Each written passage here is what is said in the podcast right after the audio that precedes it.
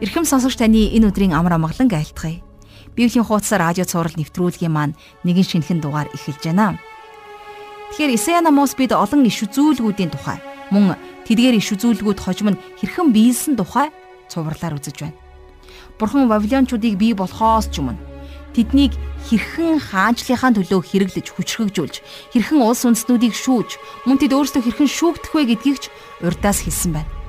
Бүх хаанчлал түүний хүчрхэгжил болон доройтол нь бүгд бурхны гарт атгаастай байдаг. Тиймээс бид ямар ч үед бурхны өмнө даруй байх учиртай. Хүмүүс бид ч гэсэн мөн бурхны хүслийг биш өөрийнхөө хүслийг энэ тэргүүнд тавих үедээ өөрсдийгөө бурхны оронд өргөмжүүлж байдаг. Итгэгч бид өөрсдийнхөө хүслийг биш харин бурхны хүслийг энэ тэргүүнд тавьж амьдрах учиртай юм а. Тэгэхээр өнөөдрийн хичээлээр бид энэ талаар үргэлжлүүлэн суралцголно. Ингээд хичээлээ эхлүүлэн хамтдаа залбирцгаая. Бурхан эзэн минь. Таньда энэ цагийн төлөө талархал өргөн залбирч байна. Энэ өдөр би таны үгийг судалж, таныг улам илүүгээр таньж мэдхийг хүсэж байна. Тэмээ их эзэн минь таны үг бол хоёр талдаа эртээ элднээс ч илүү хурц үлээ. Та энэ цагт биднийг өөрийн үгээрээ цэвэршүүлж, бидний амьдралд байгаа таны хүслээс гадуурх бүхнийг илчлэн харуулаарай. Бид өөрсдийнхөө хүслээр биш, харин таны хүслээр амьдарч, таны хүслийг өргөмжилж амьдрахын тулд та энэ цагт бидэнд өөрийн үгээ ойлгуулан ухааруулж өгөөч. Та өөрийн ариун сүнсээрээ энэ цагийг эхнээс нь дуус хүртэл удирдаарай. Бүх зүйлийг танд өргөж эзэн Есүсийн нэрээр залбирanгуйлаа. Амен. Ингээд хамтдаа жаргал агшиг хичээлд анхаарлаа хандуулцгаая.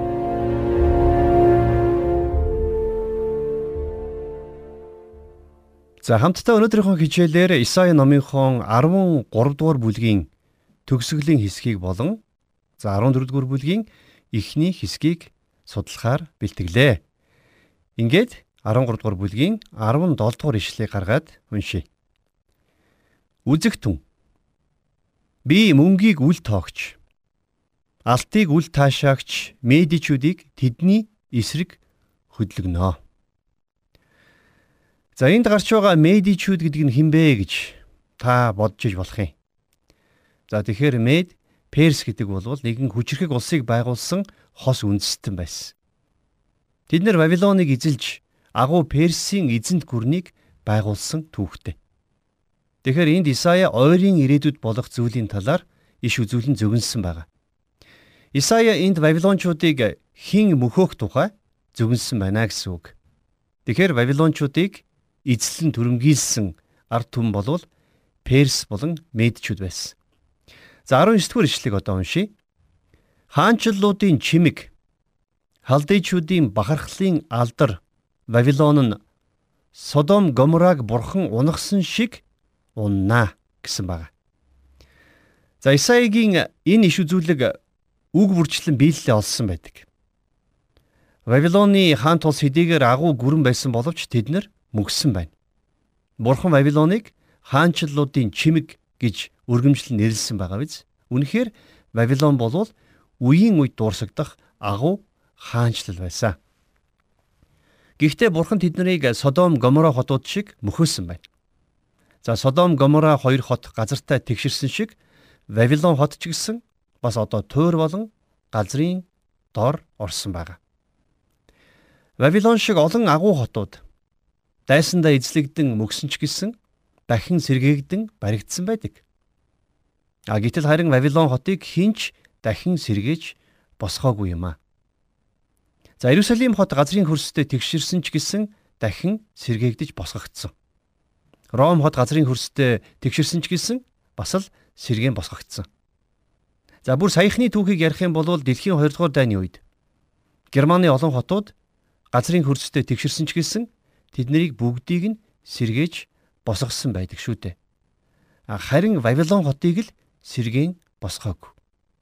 За чухам яагаад вэ гэдгийг харин бид дараачийн ишлэлээс харах боломжтой байна. 20 дугаар ишлэгийг одоо уншийе. Хизээж тэнд хүн ис оршин сууж үеэс үед үл амьдрна. Арабууд тэнд майхна ис барина. Хончид сүргээ үл хотлуулна гэсэн байна. Тэгэхээр үнэхээр бурхан ингэж айлдсан учраас эртний Вавилон хот дахин сэргээгдээгүй юм. Эртний Вавилон хотын дундуур Ефрат мөрний томоохон салаа урсаж өнгөрдөг байсан. Тэрхүү хотын туурийг одоогийн Ефрат мөрнөөс 15 орчим километрийн зайтай газарт ухаж гаргаж ирсэн байна. За тэгээд энэхүү туур нь болвол Бурхны энэ үг гарцаагүй биелэл олсныг давхар батлан илтгэж байдаг. За сонирхолтой нь гэх юм бол дээр үед археологчид Вавилон хотын туурийг ухаж гаргах үеэр Тэнтхийн нутгийн арабуудын тусалцааг авдаг байсан.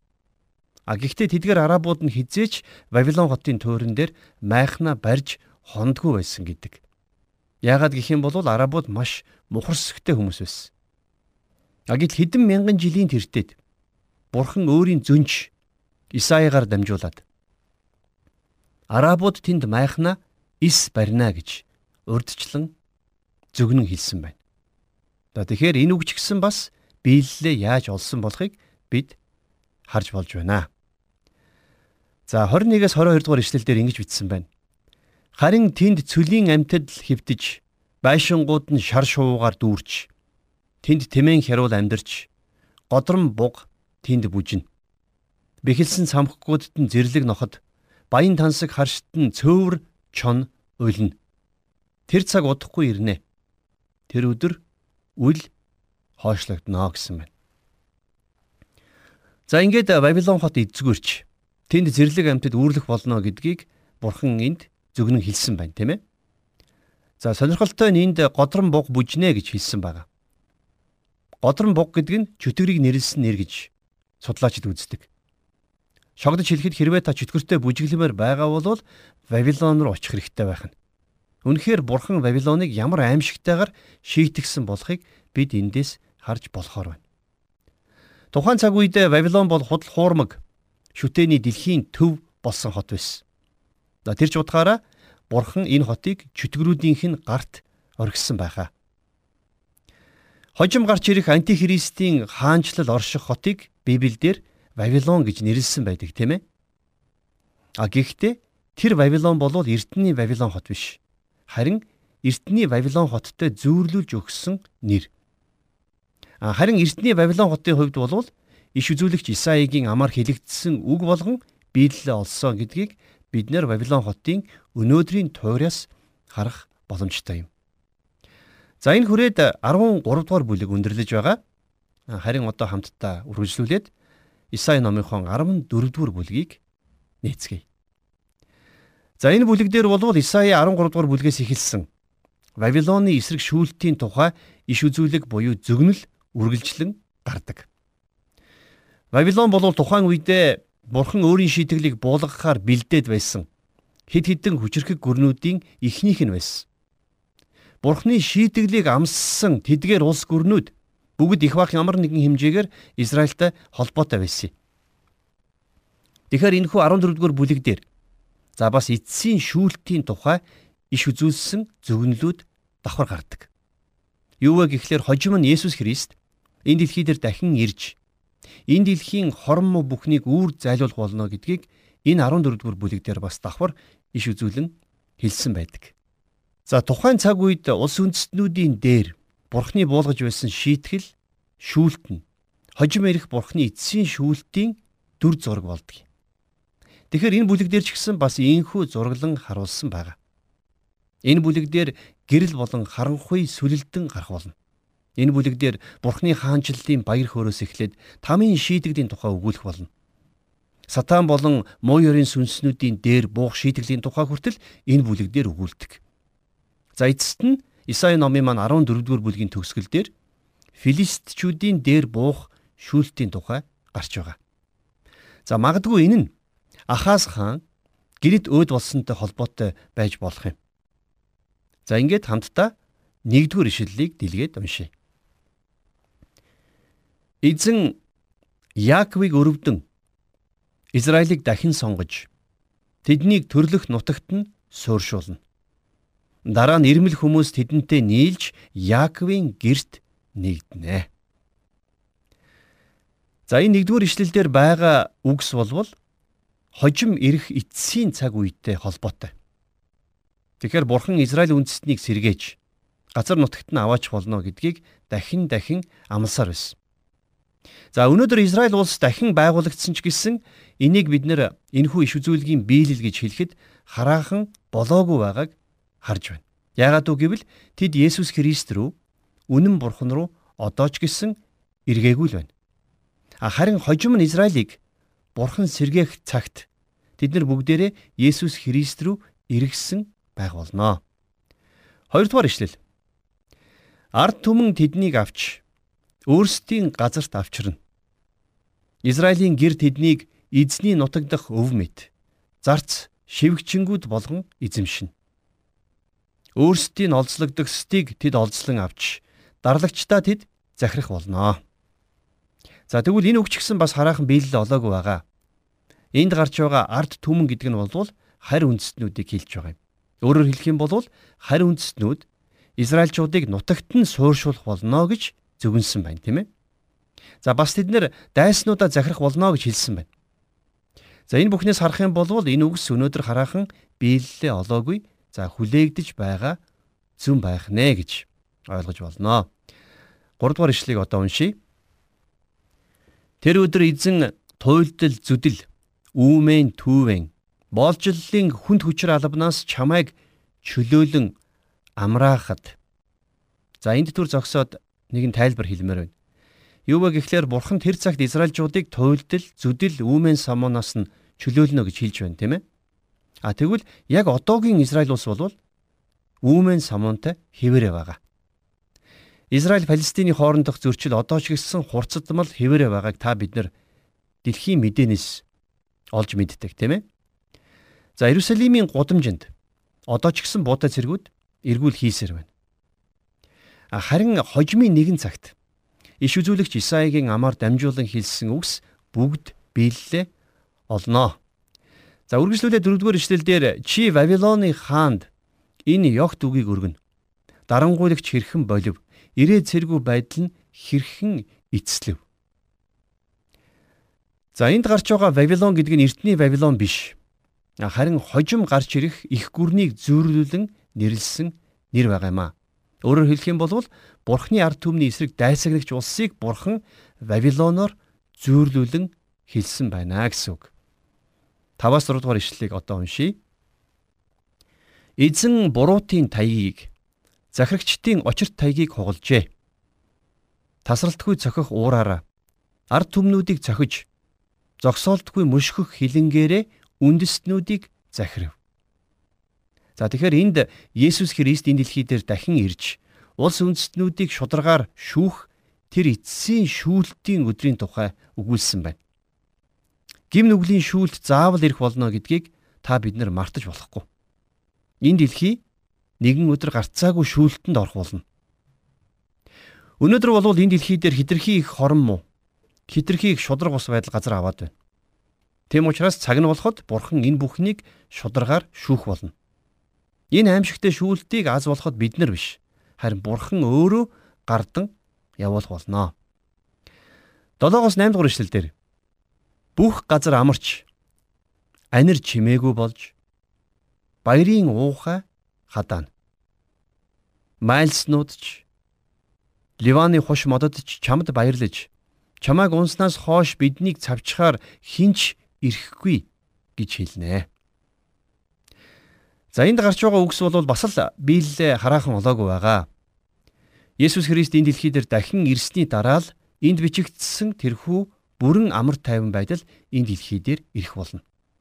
За тэр цагт бол бүх хүмүүс баяр хөөртэйгээр бурхныг магтаж амар тайван аж төрөх болно. За 9 дугаар ишлэлдэр ингэж бичсэн байна.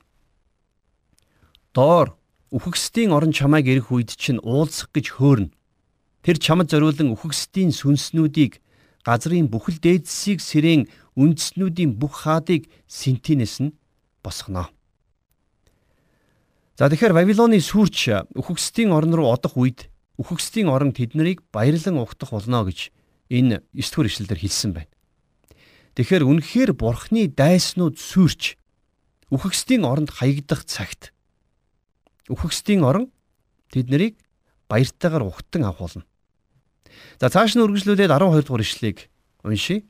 Их сонирхолтой ишлэл байгаа. Аяа үүрийн хүү гялбат цолмон. Чи яаж тэнгэрээс унваа? Үндэстнүүдийг дордуулагч чи хөсөр хаягдлаа. За энд гарч байгаа үүрийн хүү Гялбат цолмон буюу Люцифер гэдэг нь сатаны өөр нэгэн нэр юм. Изекиэл номын 28 дугаар бүлгээс харах юм бол Люцифер нь Бурхны бүтээсэн бүтээлүүдийн дундаас хамгийн гайхамшигтай нь байсан. Харин тэрээр яг Хариот хотын Юдас шиг Бурхнаас урвсан. Тэр өөрийнхөө хүслийг Бурхны хүслээс дээгүр тавьсан. Лук номын 10 дугаар бүлгийн 18 дугаар ишлэлдэр Есүс хэлэхдээ би сатаныг Тэнгэрээс аян гайдал унахыг харлаа гэж хэлсэн байдаг. За мөн 1-р Иохны 3-ын 8-р эшлэлдэр нүгэл үйлддэг нь диаволынх юм. Диавол эхнээсээ нүгэл үйлдсэн. Диаволын үйлсийг устгахын тулд Бурхны хүү илчлэгдэжээ гэсэн байдаг. За мөн Ичлэл номын 12 дугаар бүлгийн 7-оос 9 дугаар эшлэлдэр ингэж хэлсэн байна. Тэнгэрт дайн болов. Михаил болон түүний тэнгэр элч нар луутай тулалдлаа. Луу болон түүний тэнгэр элч нар тулалдаад тэдэнд хүч дутсан бөгөөд тэдэнд тэнгэрт байх газар олдсонгүй. Өнөөх асар том луу буюу бүх ертөнцийг мэхлэгч диавол буюу сатан гэгддэг хуучны могой доош хаягдав. Тэр дэлхий рүү хаягдлаа. Түүний хамт тэнгэр элч нар нь ч доош хаягдваа гэж бичсэн байна. За энэ бол Люцифер буюу сатаны эхлэл байна тийм ээ. Сатанд ямар гим нүгэл байсан бэ? Тэрний дотор байсан бодлыг бид дараачийн ишлэлүүдээс харах боломжтой. Хамтдаа 13-аас 14 дугаар ишлэгийг одоо уншийе. Учир нь чи зүрхэндээ би тэнгэрт гарна. Би бурхны оддын дээр синтигээ босгоно. Би умардын хамгийн чандад чуулганы уулан дээр заларна. Би үйлсийн орой дээр гарна. Би өөрийгөө хамгийн дээд нэгэн лугаа адил болгоно гэсэн. За тэгэхээр энэ ишлэл дээр Люцифер буюу сатан нийт 5 зүйл дээр бардамнаж бие химэн цээжээ дилдсэн байгаа. Тэрээр өөрийнхөө энэ хүслүүдийг Бурхны хүслээс дээгүр тавьсан. Энэ бол гим нүглийн үр хөврөл байсан. Энэ бол чөтгөр хэрхэн бий болсон тухай түүх. Анх диавол юу нь яаж бий болсон бэ? Тэрүүн тэнгэрлж байсан тэрээр өөрийнхөө хүслийг бурхны хүсэлтэд зэрэгцүүлэн тавьснаас чөтгөр болсон байна. Бурхан өөрийнхөө гайхамшигтай бүтээл болох хүнд болвол чөлөөт хүслийг өгсөн. За бид нар чөлөөт сонголт гэж ярьдаг тийм ээ. Өөрөөр хэлэх юм бол хүн өөрийн хүсснээ хийх бас сонгох эрхтэй байдгаа гэсэн үг. За тэгвэл энэний нэгэн адилаар Люцифер ч гэсэн бас ийм байсан.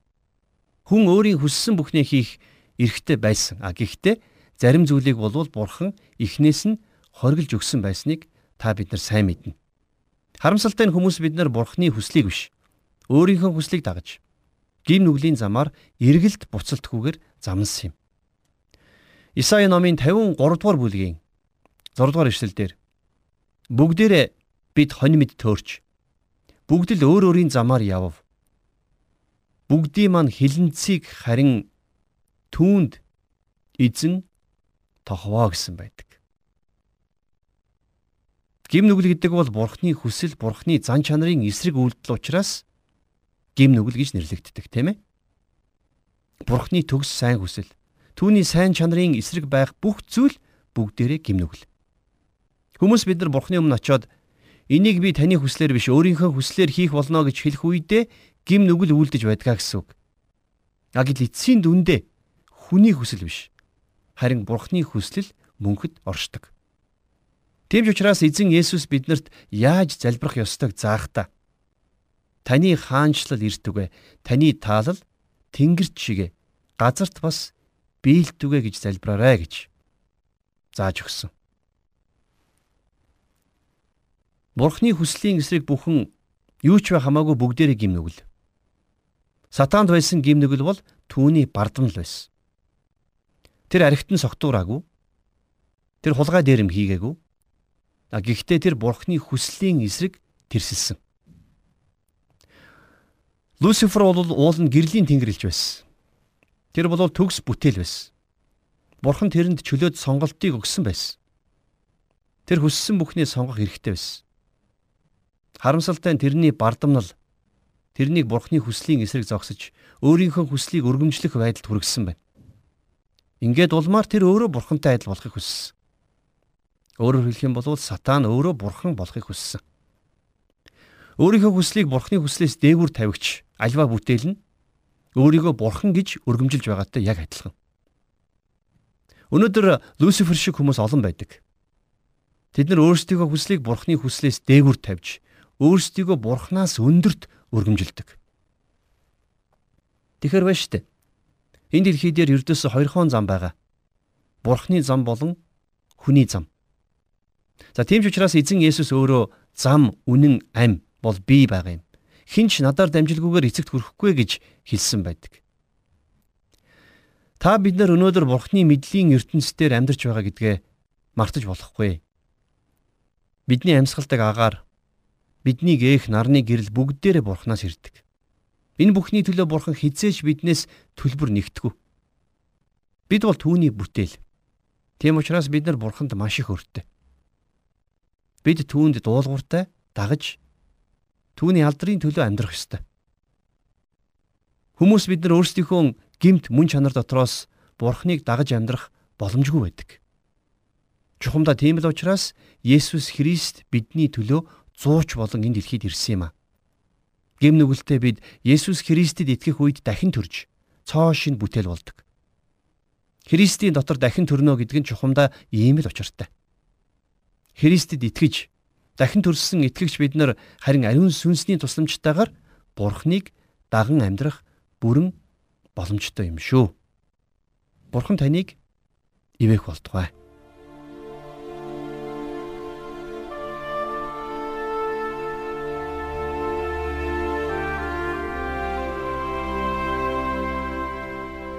Тэгэхээр өнөөдрийн хичээл маань энэ хүрээд өндөрлөх гэж байна. Бид өнөөдөр Исая номын 13 дугаар бүлгийн 17 дугаар ишлэлээс 14 дугаар бүлгийн 14 дугаар ишлэлийг дуустал хамтдаа уншиж судалсан байгаа хичээлийг бидэнд зааж, тайлбарлаж, мөн Библийн тухай мэдлэгийг бас оюун бодолд маань сэхэрэл, ухаарал, урам зоригийг өгсөн жаргал агштаа маш их баярлалаа. Манай нэг сонсогч эмэгтэй Библийн хуудасаар нэвтрүүлгээ сонсоод өөрийгөө дэндүү их хайж амьдрснаа ойлголоо гэж хуваалцж байсан юм. Тэр өөрийг нь хайрлаагүй, өөрт нь туслаагүй, бас дэмжээгүй хүмүүсээс болоод өөрийгөө хайснаа ойлгосон тухайга бидэнд ярьсан юм. Гэхдээ хамгийн чухал хуваалцсан зүйл нь түүний дотроос үргэлж өөрийгөө үүлийн үрээ эдэлж байгаа. Тийм болохоор л ийм байгаа юм гэх дуу хоолойг сонсож байсан. Харин дараа нь радиогоор эзэн бурхны хувьд та үн цэнтэй нэгэн гэдэг үгийг сонсоод маш их урам зориг авсан. Тэгээд одоо манай байнгын сонсогч болж амьдралд нь маш их өөрчлөлт гарсан тухай бидэнд хуваалцсан юм. Тэгэхээр бид зүгээр нэг мэдэж байгаад зүгээр түүхийг өгүүлээгүй. Харин хүн бүр зайшгүй сонсох ёстой сайн мэдээг хуваалцаж байгаа. Тэгэхээр энэ цаг мөчид сонсогч таныг Библийн хуудасаар радио үйлчлэлд би таныг урьж байна. Та ганцаараа сонсдог бол сүмчуулганыхаа, хөршийнхөн, эргэн тойрныхон хин нэгэнд Библийн хуудасаар радио хичээлийг сонсохыг та урайлж ятгаарай. Магадгүй хамтдаа сонсож болно. Мөн сонссон үгээ хэрэгжүүлж, бусдад хуваалцаж, мөн эзэн Есүсийн нэгүслэр итгээгүй хин нэгэнд авралын зарыг тараагаарай. Тэгэхээр өнөөдрийн хичээл маань энэ хүрээд өндөрлөх гэж байна. Бид энэ хичээлээр та бурханд бүх зүйл хамааралтай байдаг гэдэг тухай сонссон байгаа. Тэгэхээр таны амьдрал хүнд хамааралтай гэсэн бодолтойтой нь орхиод дараагийн хичээлдэр энэ талаар үргэлжлүүлэн хамтдаа судлаа. Ингээд хичээлийн төгсгөлд хамтдаа залбирцгаая. Бурхан эзэн минь, таньда өнөөдрийн хичээлийн төлөө талархал өргөн залбирч байна. Та бидний төлөө өөрийнхөө Есүс Христийг энэ дэлхий рүү илгээж бидний төлөө түүнд загламын зовлон гүйрүүлсэн учраас таньдаа алдар магтаалыг өргөн залбирч байна. Бид түүний цусаар уучлагдж, мөн түүний өвчнөөр, түүний шаналнгаар бид эдгээгдсэн. Үнэхээр бид итгэлийн амьдралдаа танаас имэж, таныг дагаж, таны л хүслийг бүхнээс дээгүүр тавьж амьдрахыг хүсэж байна. Бид өөрсдийнхөө хүслийг даган дуурайн амьдрч байгаа бол та биднийг уучлан өршөөгөөрэй. Ариун сүнс бурхан минь та бидний дотроос хүчтэйгээр ажиллаж бид өөрсдийнхөө хүслийг биш харин таны хүслийг даган амьдрахад бидэнд зааж, зааварчилж, мөн чиглүүлж өгөөрэй. Бид оюун бодол, зүрх сэтгэл, ам амьдралаа танд өргөж эзэн Есүсийн нэрээр залбирanгуйлаа. Амен.